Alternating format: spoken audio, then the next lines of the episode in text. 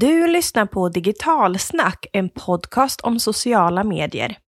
I det här avsnittet har vi träffat Anna-Sara Nilsson, social medieansvarig på ICA Sverige, som ska berätta om deras framgångsrika innehållsstrategi.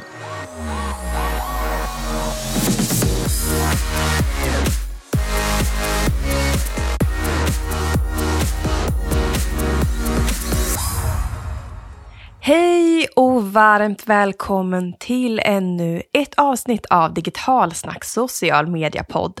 Och det här är podden som ger er en inblick i framgångsrika social media-strategier.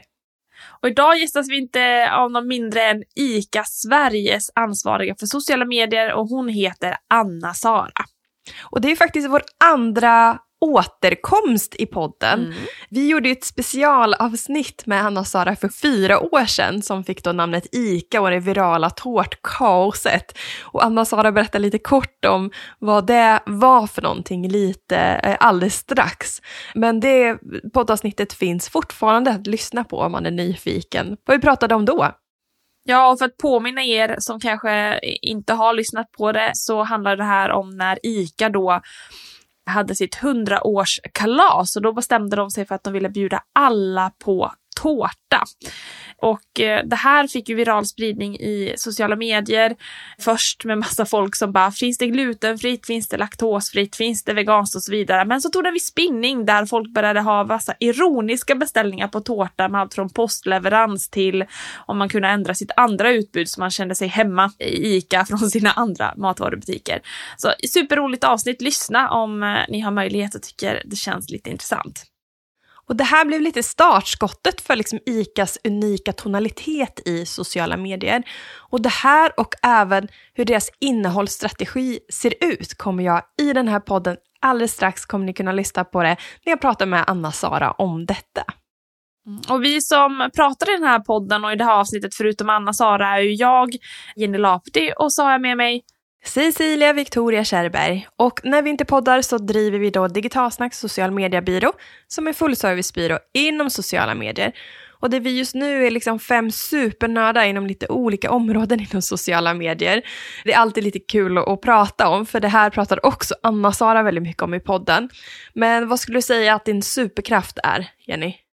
Min är nog att jag älskar att grotta ner mig i siffror och statistik och grafer och annat och spana efter trender och saker som står ut. Så eh, att granska datastatistik, det ska jag säga att det är min speciella superkraft utöver de små andra man har. Ja men precis, och jag tycker det här är fantastiskt viktigt det du pratar om. Men jag kanske inte är lika intresserad av att grotta ner mig i siffrorna, men jag tycker om att få analysen av någon annan som liksom gör det här bra. Och då går min hjärna igång och göra liksom en ny strategi utifrån det.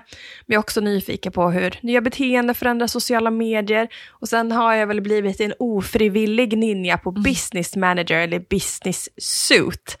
Ja, vi har många superkrafter hos oss i vår tid, men nog om våra superkrafter. Det är dags att lyssna på Anna-Sara och den magi ICA Sverige lyckats skapa i sociala medier med sitt team. Så lyssna här.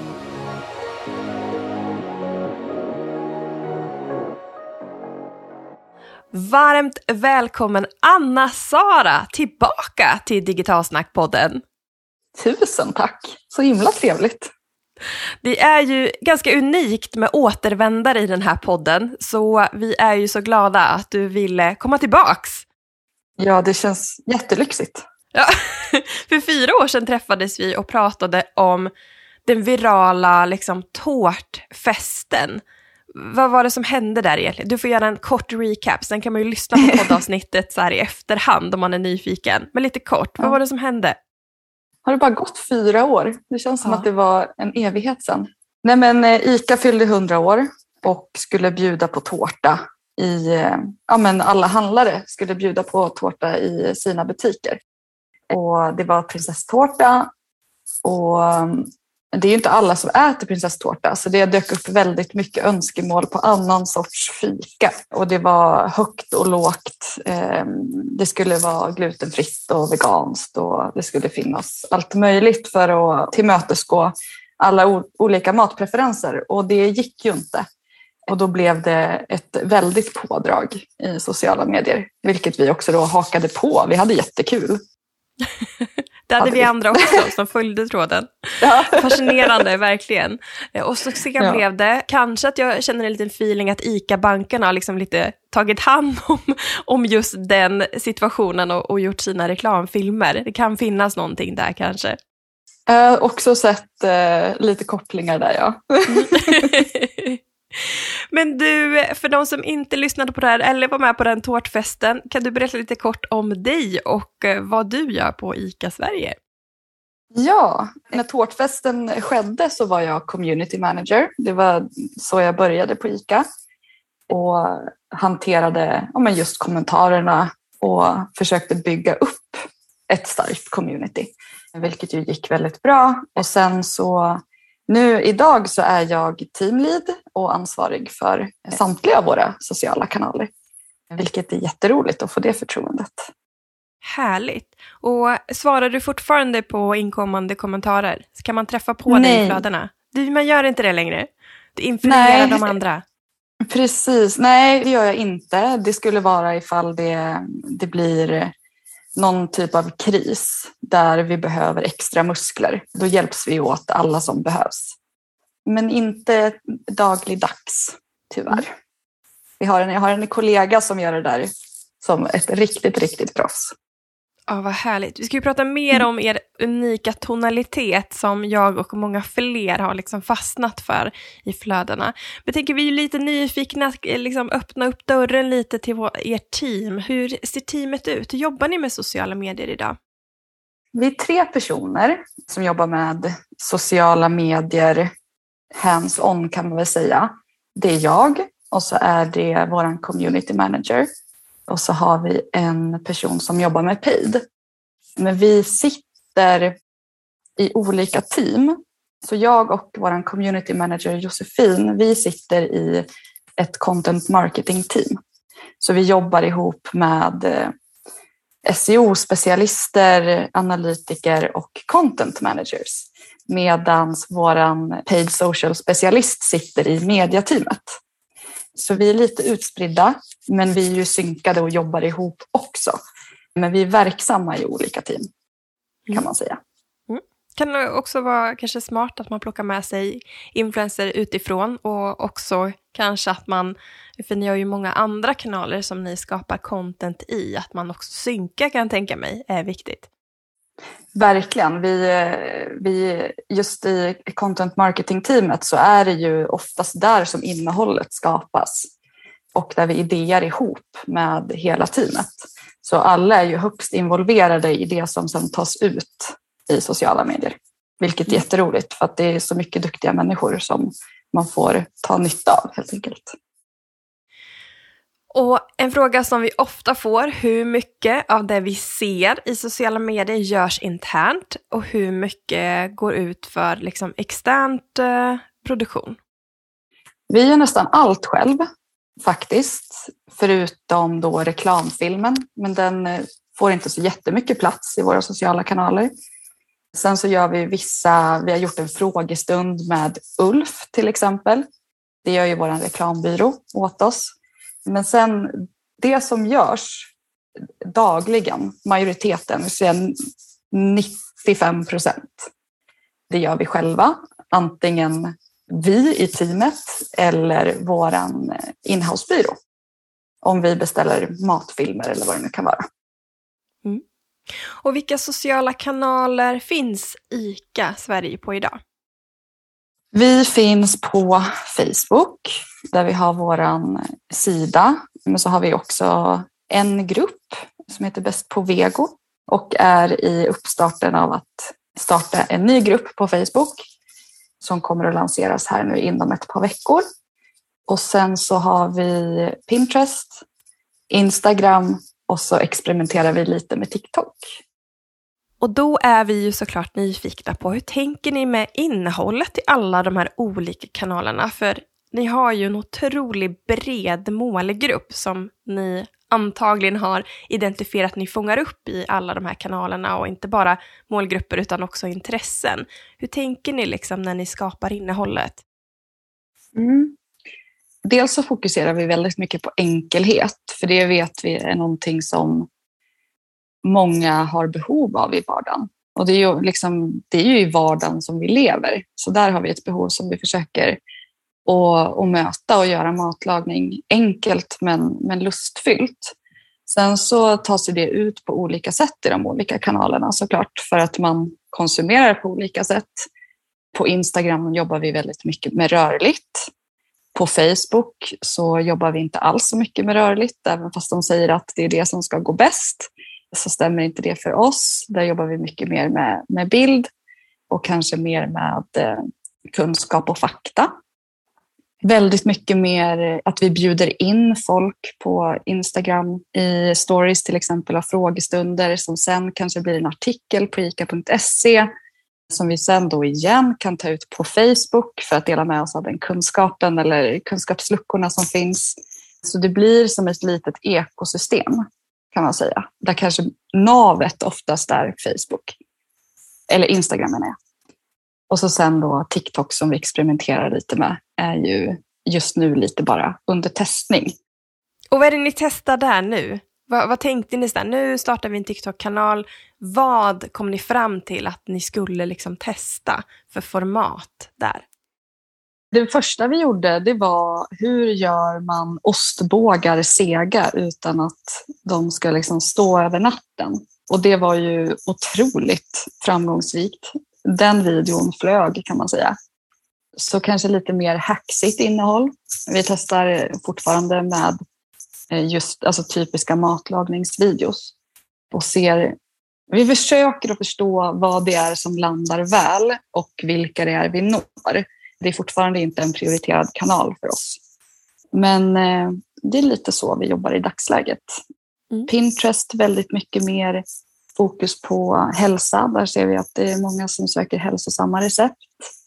Även om vi vet att det är någonting som är väldigt intressant för folk i alla kanaler så är det där det söks upp på ett annat sätt. Medan på Instagram så interagerar folk hellre med kladdkakor till exempel. Låter som ljuv musik i mina öron i alla fall, just att ni har fått ihop det här ekosystemet som vi har tjatat om i den här podden. Att man ska försöka liksom förstå hur visst material som man skapar i en kanal faktiskt kan göras om och sen användas med samma ämne fast med en annan twist i en annan. Fantastiskt tycker jag och bra exempel på hur ni liksom gör den. Vi pratade lite om att ni är organiserade i olika grupper. Hur ser planeringen ut? Gör ni liksom en årsplan eller hur blir ni också liksom aktuella i det ni lyfter fram? Hur, hur tidigt ute är ni med ert content?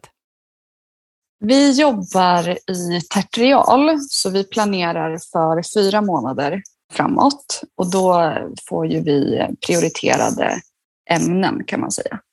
Och så sen så är det teamet som sen bestämmer hur det ska tas ut. Så det är ganska fritt. Men sen så har vi ju de lite större perioderna som sommar, jul, påsk till exempel. Där har vi väldigt mycket framförhållning. Flera, flera månaders framförhållning. Men sen så tas det ju inte ut förrän, ja så, såklart, precis när det ska tas ut. Men vi har en klar bild av vad vi ska göra för sommaren redan nu. Det innehållet kan man säga är klart redan. Men sen så har vi, vi är snabbfotade och har möjlighet att agera på, på saker som händer i realtid. Dels för att vi har många duktiga kreatörer inhouse som kan skapa innehåll om det behövs. Det är väl lite så vi jobbar kan man säga. Mm. Både mycket framförhållning och lite framförhållning. När det kommer till vårt dagliga innehåll som vi gör själva som kanske inte stöttar något specifikt mål, där kan vi vara väldigt, väldigt snabba. Men sen så jobbar vi mycket med leverantörer och där behöver vi ha mycket framförhållning. Så det är både snabbfotat och lite långsammare kan man säga. Har ni bestämt vilken frekvens ni ska ha i de olika kanalerna för att vara kontinuerliga i kommunikation med era följare? Nej, det har vi inte, utan det har blivit ganska naturligt just för att vi har varje vecka en hel del som behöver kommuniceras. Sen så är det, vi kör oftast måndag till fredag. Dels för att det är då vi ser att vi får högst räckvidd och högst engagemang för att folk faktiskt lever i sociala medier då. Men också för att vi vill kunna finnas tillgängliga. när vi väl publicerar någonting. Och det är vi ju inte på helgerna. Så vi försöker köra någonting varje dag, måndag till fredag. Har ni märkt av att ni har fått bättre effekt, exempelvis under pandemin, när vi har varit liksom tvungna att hålla oss mer hemma och laga mer mat hemma, inte gå ut på restaurang. Har ni märkt också att intresset liksom i era kanaler har blivit starkare under pandemin? Ja, verkligen. Nu har ju den effekten har absolut avtagit. 2020 var det ju som allra mest intresse. Man gick tillbaka till den här trygga maten, comfort fooden. Det var mycket grytor, folk gjorde egen pasta. Så det såg vi absolut. Sen så dök det upp väldigt mycket problem längs vägen. Som att gästen tog slut. Och då behövde vi möta upp det behovet. Hur bakar man bröd utan gäst till exempel? Så det fanns ju otroligt mycket att göra innehåll på som folk var verkligen intresserade av för att det var så relevant. Sen så pratade vi också väldigt mycket om just de problemen som fanns. Att hålla avstånd, vilket också folk uppskattade. Om eh, hur vi såg till att eh, leverera varor till butik var också väldigt intressant för folk att veta att vi samarbetade med, med Volvo för att säkra varor i butik. Så det fanns hur mycket som helst att göra innehåll på, både mat men också saker som gällde organisationen i stort. Så det, var, det var jättekul att få bara testa och ställa om på det sättet och att det togs emot så väl. Mm. Och hur följer ni upp det här? Ni har ju en gigantisk receptdatabas. Är det där ni mm. liksom hittar vad folk börjar söka på i liksom nutid så att ni också kan vara som säger, aktuella när gästen tar slut och måste vi pusha för någon annan typ av receptbank? Liksom. Hur gör ni den omvärldsbevakningen? Precis, det är ju, men dels eh, ser vi ju det på ica.se såklart, vad folk söker på. Men också Google. Vad vill folk ha nu? Sen så har vi ju, får vi ju väldigt mycket information internt också. Folk vet saker innan vi vet det. Och att toalettpappret tar slut i butik, det ser ju inte vi i våra siffror eller på Google Analytics, utan det är ju information som kommer från folk inne på ICA. Snyggt, bra blandat.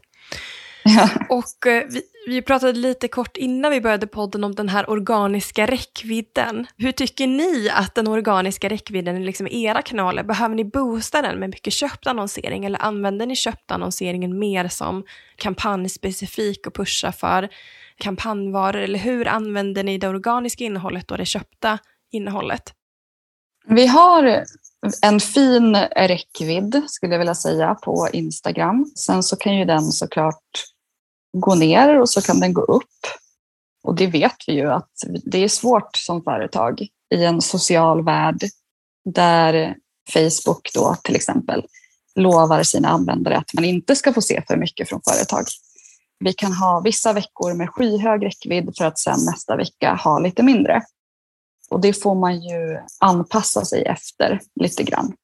Och hur jobbar ni med köpt annonsering? Är det mer kampanjbaserat eller boostar ni också organiska inlägg för att de ska nå längre? Just det. Vi jobbar med både boostat innehåll och eh, ja, men, kampanjenheter kan man väl säga. När vi jobbar med leverantörer så jobbar vi väldigt mycket med boost. Att vi gör härlig god mat Sen så kan det vara att vi har fristående kampanjenheter som vi sen fördjupar då i våra organiska kanaler så att de stöttar varandra. Och vi måste ju prata om den här tonaliteten som ni har fått till, som jag då älskar, som följer er då bara på Instagram. Hur har ni hittat den här unika tonaliteten som är lite mer edgy, den är lite glimten i ögat, det är mycket humor, inte så liksom superallvarligt. Hur kom ni fram till att den skulle passa ICA?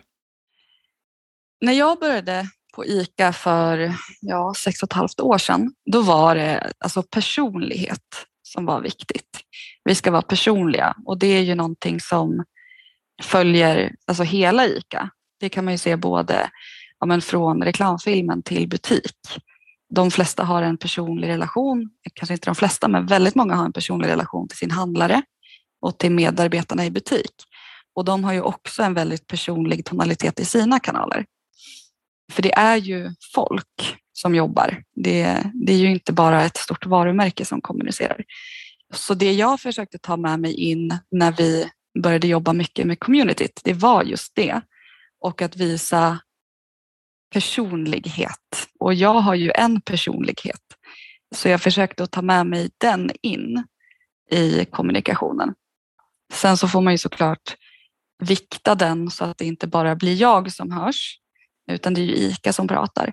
Men att det kan vara smalt ibland. Jag kan ju dra saker som kanske bara känns igen i liksom Mellansverige eller någonting som min pappa har sagt någon gång i tiden som blir väldigt uppskattat för de som känner igen det och då blir det ju personligt. Så det är någonting som vi, vi verkligen värnar om och att man får använda sitt eget språk och sitt eget sätt att, att skriva och prata och det behöver inte vara perfekt svenska.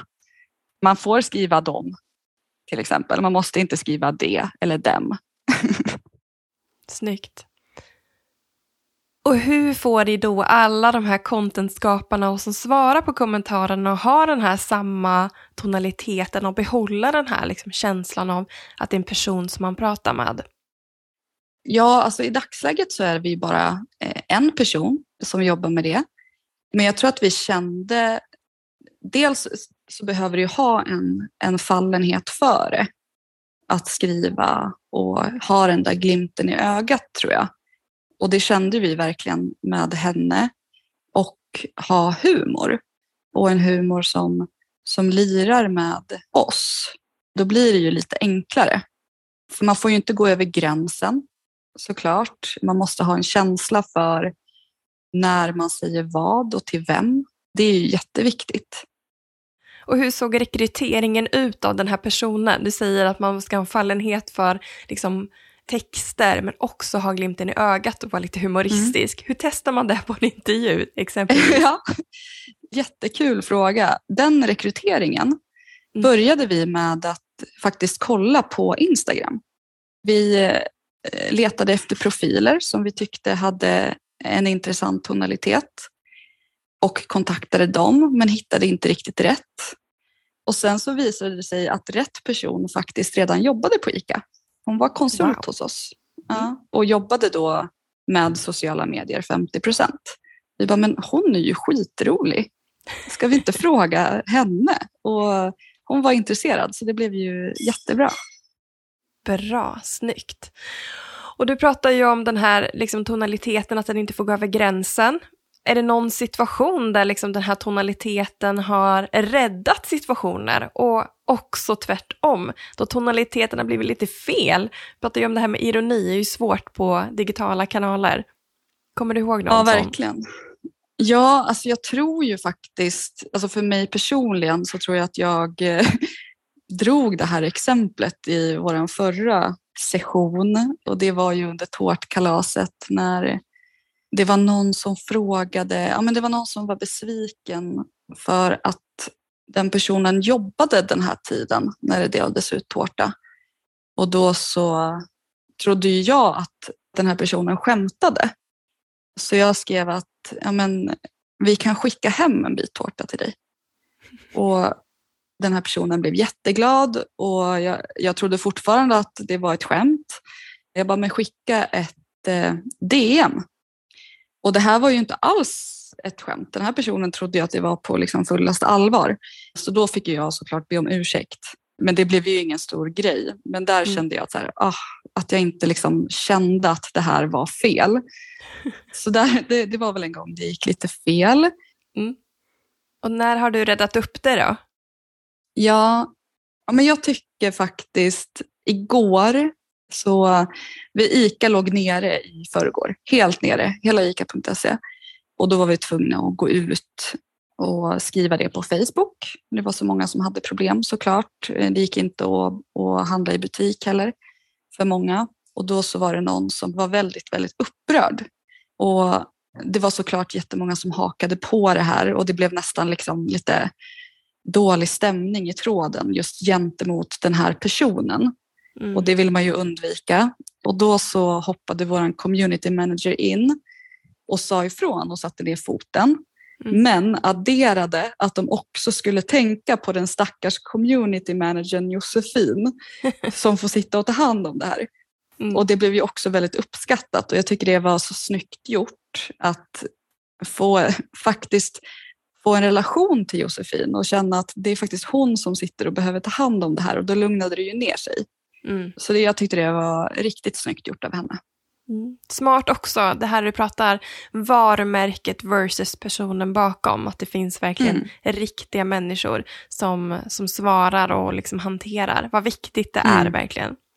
Ja, verkligen. Men när en sån här situation tar fart, ni har, du sa en person som egentligen svarar på i princip alla kommentarer. Hon jobbar Ja. ju inte 24-7. Hur hanterar ni liksom att kommentarer trillar ju säkert in under hela dygnet och varje dag. Hur hanterar Mm. ni kommentarshanteringen? Vi försöker ju att, att ge någon typ av respons på det mesta. Sen så har vi ju såklart en, en prioordning där frågor, kritik och kärlek ska, ska besvaras först.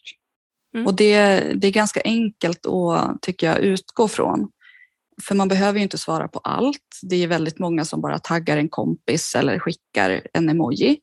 Mm. Det kanske är mindre viktigt. Men vi försöker verkligen att, att göra så att alla känner sig sedda och hörda och att just när, när det kommer till kärlek också, att vi uppskattar det så himla mycket för att folk är väldigt generösa. De skickar Mm. DM och skriver på inlägg och delar med sig av att de gillar oss eller att eh, något recept var helt fantastiskt. Och det, det är ju precis, om inte viktigare, att besvara en kritik. Kritik är också jätte, jätteviktigt. Både ris och ros ska bemötas. Mm.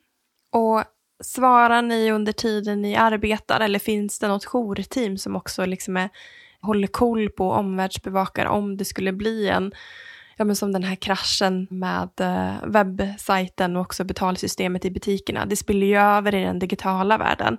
Hur Mm. har ni någon krisplan, att någon hoppar in och liksom kollar kommentarsfältena då? Ja, vi har ett jourschema som eh, både kvällar, vardagskvällar men också helger. Däremot så är det ingenting, på vardagskvällar så är det inte så att vi går in och kollar utan eh, det är om någonting händer, precis som när ICA.se gick ner. Mm. Eller om det är något annat större som händer som press plockar upp till exempel. Och då är det den som har jour helt enkelt som får hoppa in. Alternativt att vi såklart har en dialog. Det kan ju vara så att man är ute på vift. Mm. Jag var och klättrade till exempel när det här hände. Och vår community manager var på väg till gymmet. Men då var det bara att, att vända om och hugga i. Liksom. Sen så har vi ju vårt eh, kundserviceteam som vi jobbar väldigt tätt med. Där de kan hjälpa till kanske på eh, helger, julhelger och påskhelger när de jobbar. För de har ju lite andra arbetstider än oss. Så vi hjälps åt så gott vi kan och har en, en väldigt öppen dialog med dem. Så att vi hjälps åt. Mm. Tack för den eh, eh, ja, men, bra struktur för att hantera kommentarer. tycker jag var jätteviktigt. Och um, det som också såklart många är nyfikna på, vad ger den här närvaron i sociala kanaler? För många vill ju pusha för sälj, men ni gör ju faktiskt inte det så himla mycket, utan Nej. ni inspirerar ju till att kanske laga mat som man sen förstår att man såklart kan ta del av på ica.se och i den receptet är ju oftast ICA-produkter som man kan liksom lägga till i sin korg och gå och handla i butik och det här liksom ekosystemet som du pratar om. Men hur Mm. mäter ni att det ni gör i sociala medier faktiskt får en effekt med liksom fler besökare till handlarna eller mer köp på nätet? Mm. Vi tittar i huvudsak på vad som händer på respektive plattform för att kunna se om, om innehållet är relevant. Det är ju steg ett. Så vi tittar väldigt mycket på räckvidd. Sen så driver vi mycket trafik till ICA.se. För teamet som jag är verksam i, det är väldigt mycket ICA.se-fokus. Så vi tittar väldigt mycket på det. Men sen så har vi gjort vissa insatser där vi samlar hela ICA. Till exempel så var det en, en påsk för några år sedan där vi valde ut ett recept, en eh, påskcheesecake. påsk-cheesecake som alla skulle kommunicera för att se hur det påverkade försäljningen. Och det påverkade verkligen försäljningen. Däremot så är det svårt för oss att se vad vi gör om vi gör en sak, hur det påverkar försäljningen i bara social, utan då kraftsamlar vi helt enkelt. Och så sen så försöker vi i social stötta ja, men det, tv-varorna till exempel för att skapa ett intresse kring produkterna som är till stammispris. Det är en komplex organisation där det är svårt att driva till e-handeln för att alla ICA-handlare är ju fristående. Och du handlar ju oftast från respektive handlare. Så det är lite svårt att mäta just eh, sälj. Det är det. För, från social enbart om vi inte gör en sån här bred kraftsamling där vi alla mm. hjälps åt och driver vissa produkter. Ja, precis. Jag tror jag minns den där cheesecaken eller kladdkakan. Jag vet inte om det var lemon curd i och det tog slut i varenda butik. Jag tror min mamma var upprörd. ja, men det, det var nog den. Ja, precis. Ja. du, om vi blickar framåt lite grann. Vi pratar väldigt mycket här och nu och eh, hur ni jobbar just nu. Men eh, vi vet ju att ICA är liksom kreativa och, och, och liksom snabba på fötterna. Hur ser framtiden ut i er social närvaro? Hur ser, liksom, ja, om vi blickar in i framtiden, vad kommer hända? Vad är ICA på sociala medier om några år? Ja, du. Tror ni att er TikTok-satsning kommer att fortsätta? Ja, men det var det jag satt och funderade på. Ja, det tror jag. Jag tror absolut att vi kommer att röra oss mer mot TikTok och bli kanske ännu mer personliga i form av personer. Idag så är det ju våra stigkaraktärer som är våra ansikten utåt. Jag tror att vi kommer ha mer, fler ansikten i våra sociala kanaler, absolut. Sen så tror jag att vi kommer att eh, ha fler grupper på Facebook. Min förhoppning är att vi kommer att kunna skapa en förlängning från ica.se till Facebook där vi kan skapa ett, ett tight community för matinspiration. Det är väl min förhoppning. Sen så tror jag inte att det här ligger så långt fram som några år, utan det tror jag kanske är redan det här året. Mm. Det är svårt med sociala medier. och ja, men precis. Kommer vi få se en ICA-butik i metaverse? Tror du precis, det? Precis, det har jag också tänkt på. Ja, det tror jag. Det kommer säkert hända. Mm. Men, eh, men jag vet inte när. Bara framtiden kan Exakt. se var vi hamnar i sociala medier. Yes. Du, vi har kommit till den absolut sista punkten. Vi kan ju prata hur länge som helst. Det är superintressant att höra hur ni jobbar. Men om man nu skulle vilja förnya sin liksom, känsla på sociala medier, du pratar ju mycket om det här personliga. Om man nu vill ändra sin tonalitet i sociala medier under det här året, vad är dina tre bästa tips? Mina tre bästa tips är att låta de anställda som jobbar just med tonaliteten att testa och se vad som funkar att eh, våga visa lite vem man är och vara kanske lite intern till och med. Och våga ha, ha kul. För att ett, ett grundläggande behov hos alla det är väl att få skratta eller att eh, få lära sig någonting. Så det, det tror jag verkligen att man ska, ska göra mer av. Men, men framför allt eh, låta de som jobbar med det få testa och inte vara där och pilla utan faktiskt låta dem vara sig själva helt enkelt. Bra tips. Stort tack Anna-Sara för att du var med i Digitalsnackpodden. Tack så jättemycket för att jag fick komma tillbaka.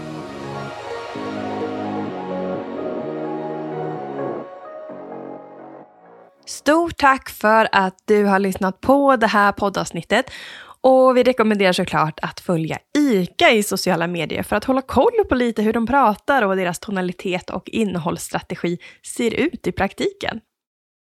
Och när ni lyssnar på våra avsnitt, dela gärna med er i liksom era sociala mediekanaler och glöm inte att tagga oss så att vi ser om ni är på promenaden eller om det är på kontoret ni lyssnar. Och kom ihåg att ifall ni prenumererar så får ni faktiskt tillgång till den här podden en hel dag före alla andra. Tack och hej!